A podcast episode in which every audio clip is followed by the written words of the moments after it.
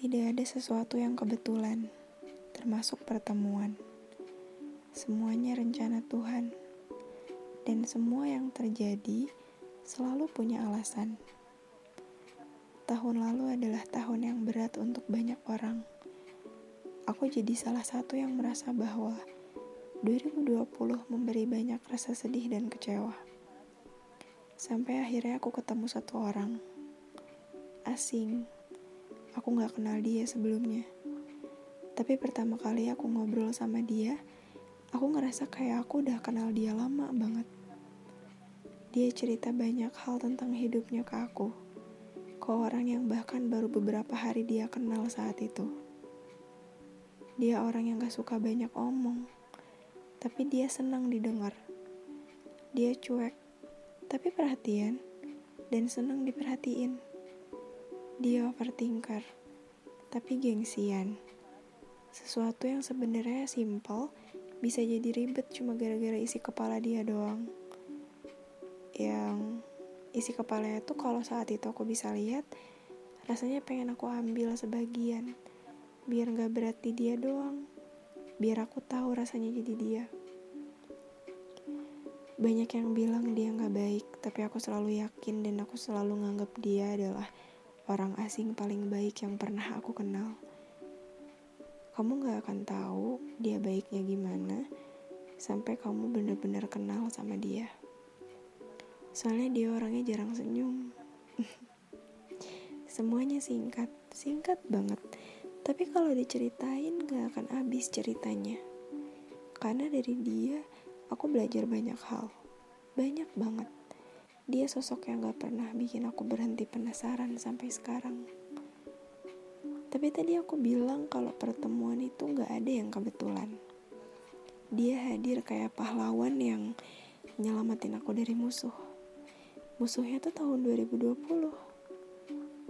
iya waktu itu aku ngerasa pasrah banget sama hidup aku dan aku udah gak tahu harus apa terus dia hadir dan itu kayak ngasih harapan aku untuk semangat hidup lagi lebay sih tapi kayaknya kalian yang denger ini juga pernah atau mungkin nanti bakal ngerasain ada orang yang nyelamatin hidup kalian dan aku yakin kalian gak akan pernah lupa sama orang itu. Tapi ya, kita nggak akan pernah tahu orang lain ditakdirin di hidup kita nih sampai kapan. Kita punya kesempatan buat sama orang itu tuh sampai kapan.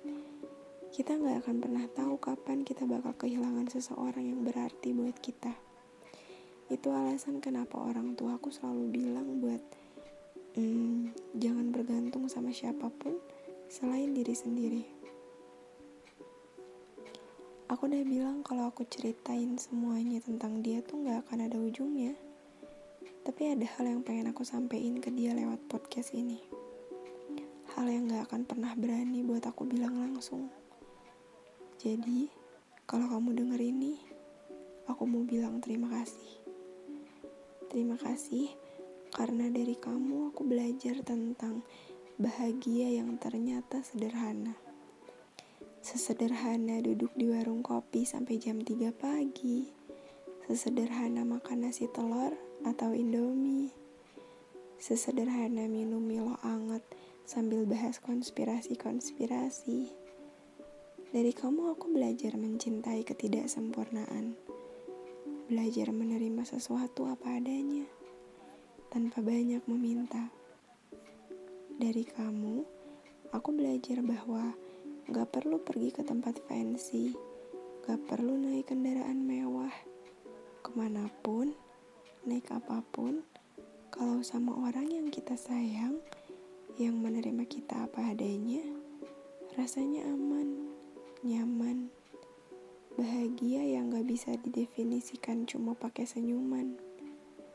Dari kamu, aku belajar banyak tentang arti sabar. Tapi aku tahu pertemuan kita ini sebatas saling memberi pelajaran.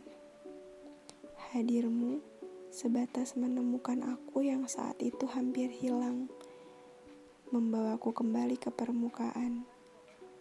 Perihal hidup yang terus berlanjut, itu tanggung jawabku sendiri. Aku sadari itu sejak awal.